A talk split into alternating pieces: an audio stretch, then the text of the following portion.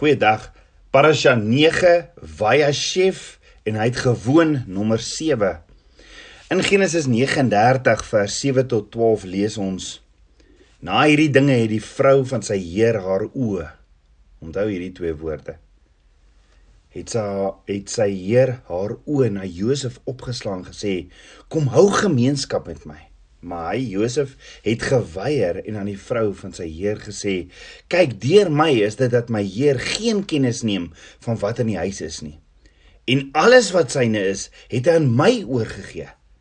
Hy is in hierdie huis nie groter as ek nie en het my niks onthou nie behalwe u, omdat u sy vrou is. Hoe kan ek dan hierdie groot kwaad?" Dis wat Josef seksuele egbreek noem doen en sondig teen God.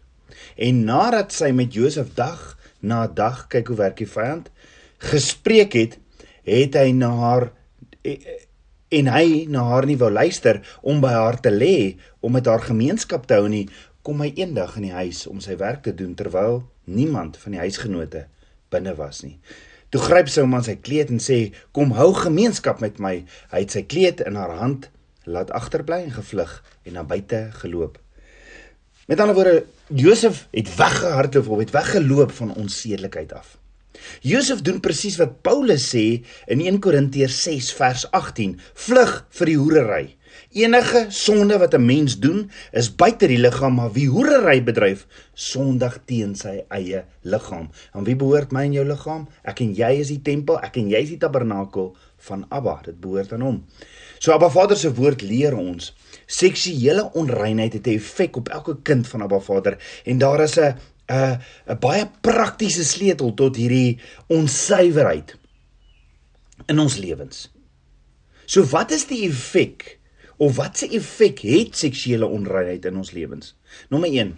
Seksuele onreinheid het 'n effek op jou familie. As Josef geval het vir die versoeking van die gees van welis, van Potifar se vrou, sou dit 'n groot effek op sy toekoms gehad het. Ek wil graag 'n leen van die vyand in die lig bring. Hier is wat Satan vir baie baie mense vertel in verband met welis of last.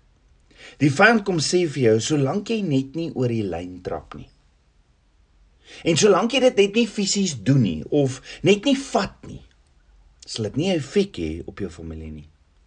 Die vyand kom sê vir jou, dis oukei okay om te flirt hier en daar en is dis alleen. Kyk, die vyand kom sê ook vir jou, dis oukei okay om te val vir die versoeking van Potifar se vrou. Want wie gaan nou weet? Jy sien wanneer Abba Vader se woord praat oor sonde, praat dit van 'n innerlike motivering en 'n uiterlike beweging.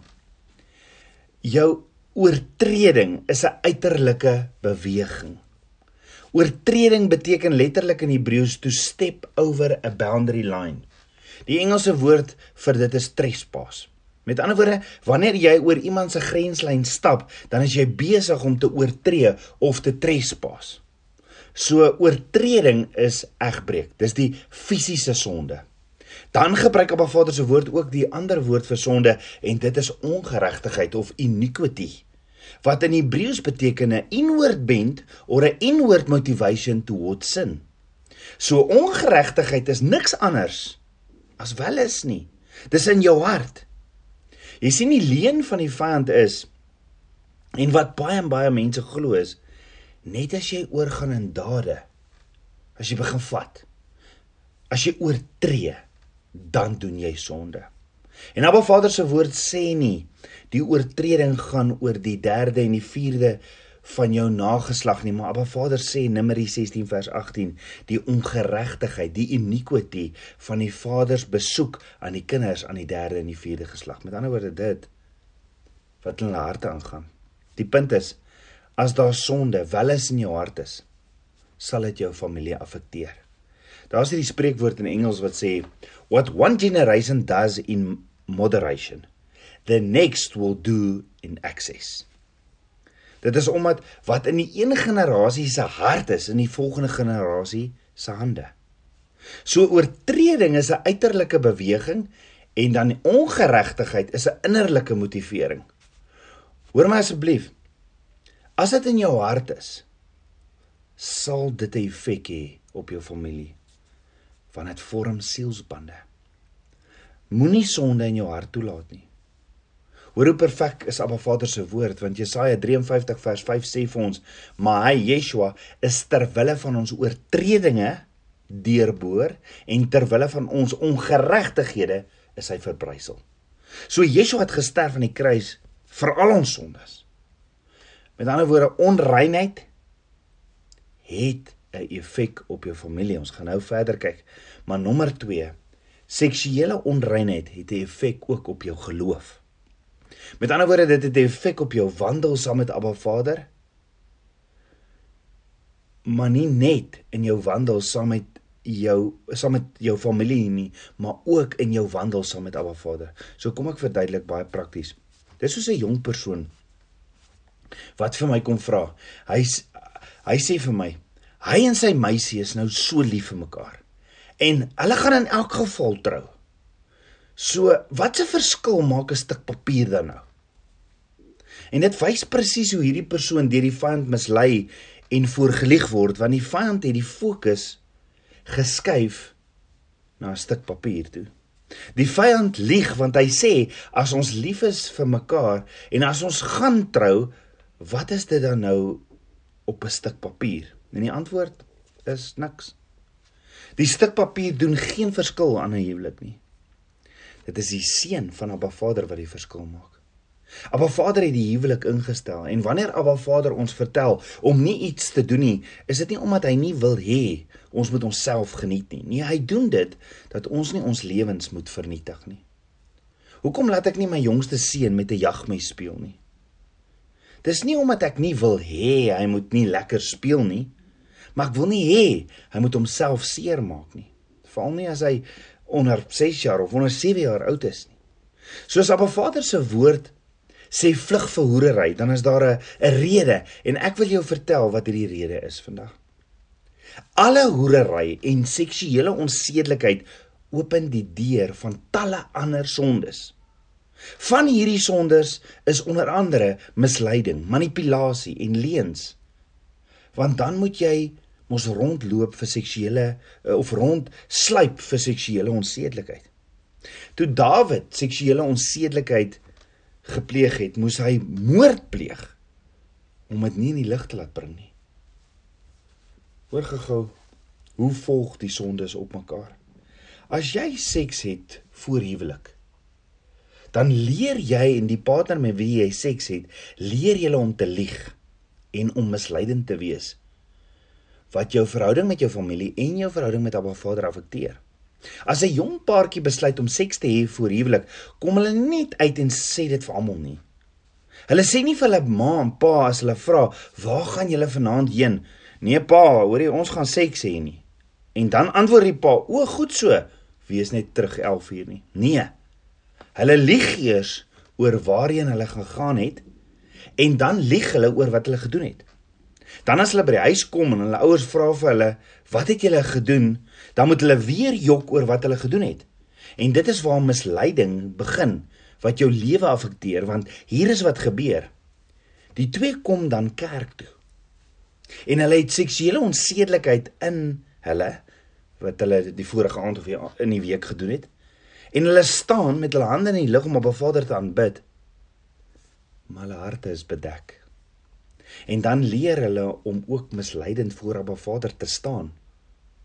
En hulle word nie meer skuldig dan bevind deur die Heilige Gees, Ruach HaKodes, dat daar sonde in hulle lewe is teenoor Abba Vader. Die watter sonde is wanneer ek nie doen wat Abba Vader se woord sê nie, wetteloosheid. En Abba Vader sê vlug van hoerery. Wat dit nog doen is dit het 'n effek op hulle huwelik. Want as hierdie twee begin rondsluip om seks te hê, ontwikkel hulle aptyd wat Abba Vader nooit nooit wou gehad het hulle moet ontwikkel nie. Want as hulle aptyd ontwikkel om rond te sluip vir seks, dan kry hulle 'n adrenalien rush. Dan trou hulle later en dan sluip hulle nie meer rond nie en dan is daar nie meer 'n adrenalien rush nie. Toe een van hulle aan tot tot een van hulle 'n ander verhouding gaan soek waar hulle weer kan rondsluip om 'n adrenalien ras te kry. Dis hoekom by baie skei sake waar man sal sê, "Jesus, vandat ons getroud is, is dit net nie meer dieselfde nie." Hulle sal sê, "Ons het great seks gehad voor ons getroud is en toe ons trou, toe val alles plat." Dan wil hy goed inbring in die huwelik om die seks op te kikker. En hy gaan dit nie opgekikker kry nie want hy het 'n aptyt ontwikkel vir rondslyp en daardie adrenalien rush wat Abba Vader nooit vir hom beplan het nie. Vir 'n vrou wat voor huwelik ja sê vir seks, wat jy eintlik doen is jy help jou man aan vir daardie aptyt. Let wel die aptyt gaan beide kante toe, maar meeste van die tyd gaan dit vir mans oor seks en vir vrouens oor die romantiese aand wat hulle saam het. So vir vrouens is die rondslyp gaan dit vir haar oor die romantiese aand. Nou in 'n studie wat gedoen is, wys dit dat die nommer 1 behoefte vir 'n man tussen tussen twee is seks. Seks kom eers by nommer 13 op die behoeftelys by 'n vrou. By by vrouens is tuinmaak nommer 12. Wat 'n vrou wel hoog ag onder haar behoefte behoeftelys is 'n romantiese tyd en hoe die man haar behandel en hoe hy haar spesiaal laat voel. So by beide mans en vroue ontwikkel daar dan 'n aptyd wat bevredig wil word as jy getroud is.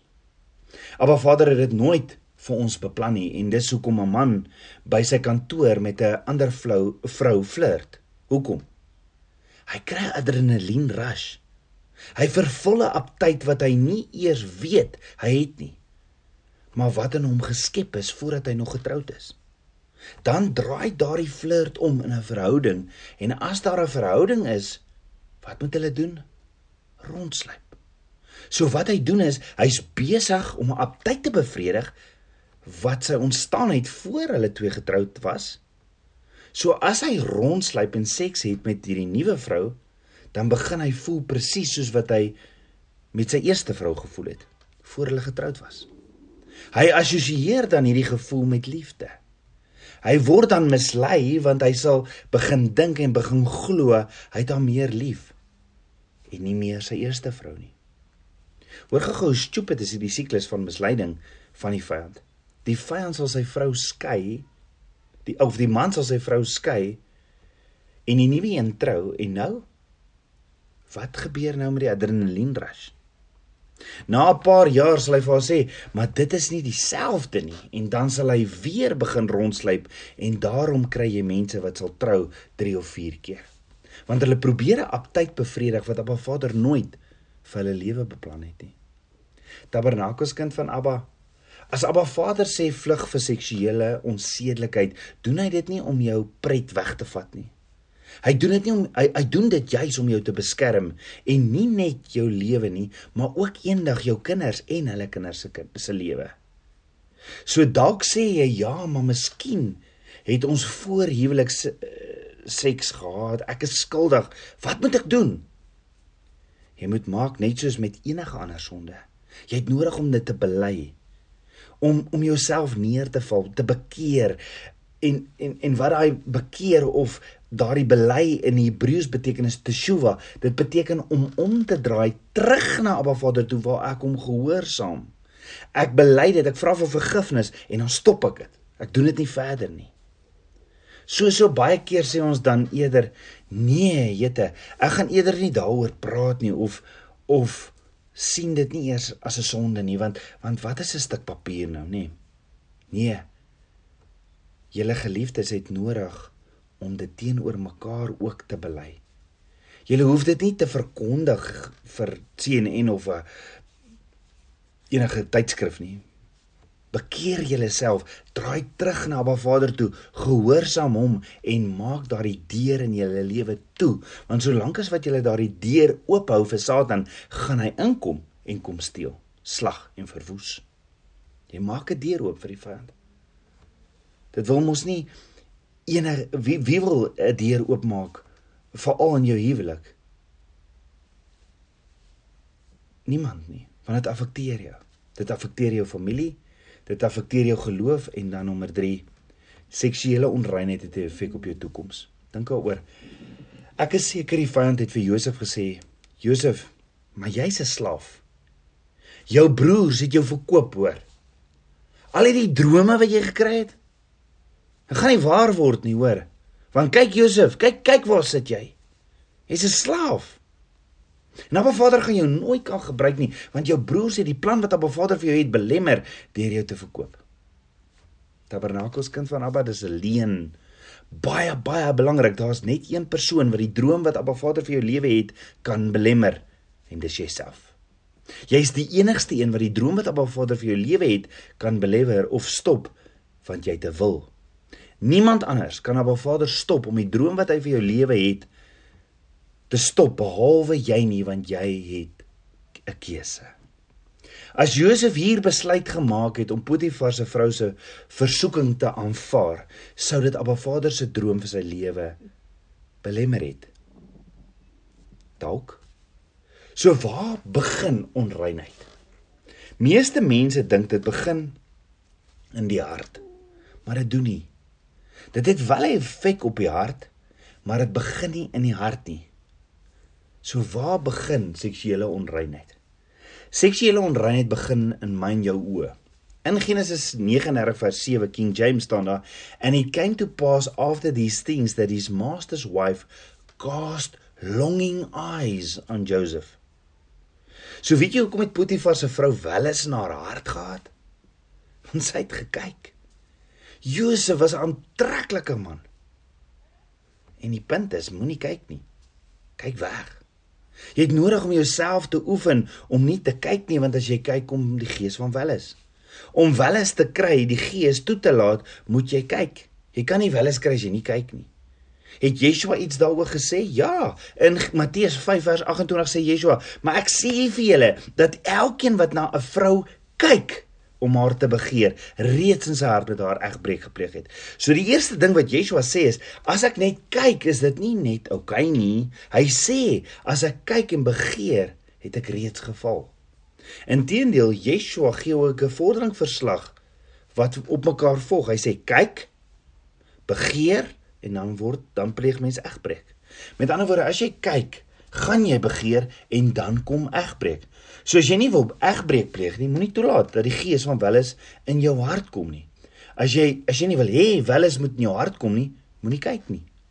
En dan sê Yeshua in Matteus 5 vers 29: As jou regter oog jou dan laat struikel, ruk dit uit en gooi dit weg van jou af, want dit is vir jou beter dat een van jou lede vergaan en nie jou hele liggaam in die hel gewerp word nie. En as jou regterhand jou laat struikel, kap dit af en gooi dit weg van jou af, want dit is vir jou beter dat een van jou lede vergaan en nie jou hele liggaam in die hel gewerp word nie. Dis so eenvoudig, moenie kyk nie. Dis soos die ou by die gym wat sê, "Ja, maar daar's niks fout daarmee om die skoonheid te bewonder nie." Daardie selfde persoon bely op 'n ander keer vir jou. Hy sit self met welis in sy hart en sit by sy derde vrou. Nee, hou op om te kyk. Hou op om die skoonheid te bewonder. Dis soos die ander ou by die gym wat sê die tweede kyk is wel is. En dis nie waar nie. Want dan vat jy net een lang kyk, nê. Nee. Om te kyk bemagtig ons die gees van welis. So moenie kyk na pornografie nie. Moenie gaan kyk by stripklubs nie. Moenie kyk na TV-program wat seks of naaktheid het nie. As jy sê jy het 'n welis probleem, het jy nie net 'n welis probleem nie, jy het ook 'n groot groot kykprobleem. Daarom hou op kyk. Hou op kyk na flieks, TV-programme met seks of naaktheid in. As jy sukkel met welis en jy kyk naaktheid op TV, maak dit soos draks in jou kop. 'n Alkoholist of iemand wat verslaaf is aan draks kan nie een drankie of een snyf bekostig nie. Net so kan jy nie net een kyk kyk nie. Want dit nooi die gees van welis weer in jou lewe in. En is nooit bevredigend nie. En jy moet dan rentmeesterskap vat in daardie area van jou lewe.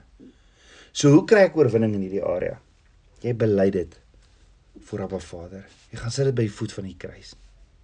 Dan gaan bely dit jy dit aan jou vrou van jou man. En dan draai jy terug, jy draai terug na Abba Vader toe se instruksies toe wat sê vlug. Met ander woorde, jy doen nie weer dan in jou dit dit in jou lewe nie want sien liefde is nooit ooit wel is is nooit ooit liefde nie. Yeshua se liefde en deur sy bloed, die prys wat hy aan die kruis betaal het, kan jy daarvan vergewe word en die slawerny kan gebreek word deur die bloed van die lam. Jy sien Potifar se vrou het nie vir Josef liefgehad nie. Want as sy vir Josef liefgehad het, sou sy nie dat Josef in die tronk gaan sit het vir 13 jaar nie. Sy het hom nie liefgehad nie, dit was dit was die werk van die gees van Welis. So as iemand sê hy sukkel met Welis, sê die persoon eintlik hy het 'n ongesonde aptyd wat hy nooit moes begin het nie. En Job sê in Job 31 vers 1, ek het 'n verbond gesluit met my oë. Hoe sou ek dan ag gegee het op 'n jong vrou? So hoekom nie soos Job kies om vandag 'n verbond met jou oë te sluit nie? En as die versoekings nog steeds kom op die voorstoep Hoekom nie kies om soos Josef en Paulus weg te hardloop en te vlug soos wat Abba Vader se woord sê vir hoerery nie? Tabernakels kind van Abba, jy is in staat tot enigiets met hom wat jou die krag gee. Want Yeshua is ter wille van ons oortredinge deurboor, ter wille van ons ongeregtighede is hy verbrysel. Daarom bely vandag. Teshuwa, draai terug na Abba Vader se weë bly hom gehoorsaam shema hom heer luister nou by en hy sal jou beskerm hy sal jou lei uit die bose en uit die versoeking kom ons bid saam Aba Vader koning van my hart Vader ek loof en ek prys U Vader aan U hand wil ek vasleef en ek ek wil nou geset wandel volgens U woord Vader Vader ek wil soos die psalmdigter sê ek soek U met my hele hart Abba, laat my nie afdwaal van u gebooie nie. Bære u woord in my hart dat ek teen u nie sal sondig nie. Lofwaardig is u my my Vader Jahweh Elohim. Leer my u insettinge. Lei my uit die bose en uit die versoeking. En meer en meer van u. Vader, ek bid dat daai ketting vandag in Yeshua se naam sal breek. Van Welis, die gees van Welis. Ek bid dit alles in Yeshua HaMashiach se naam, die seun van Jahweh. Shalom.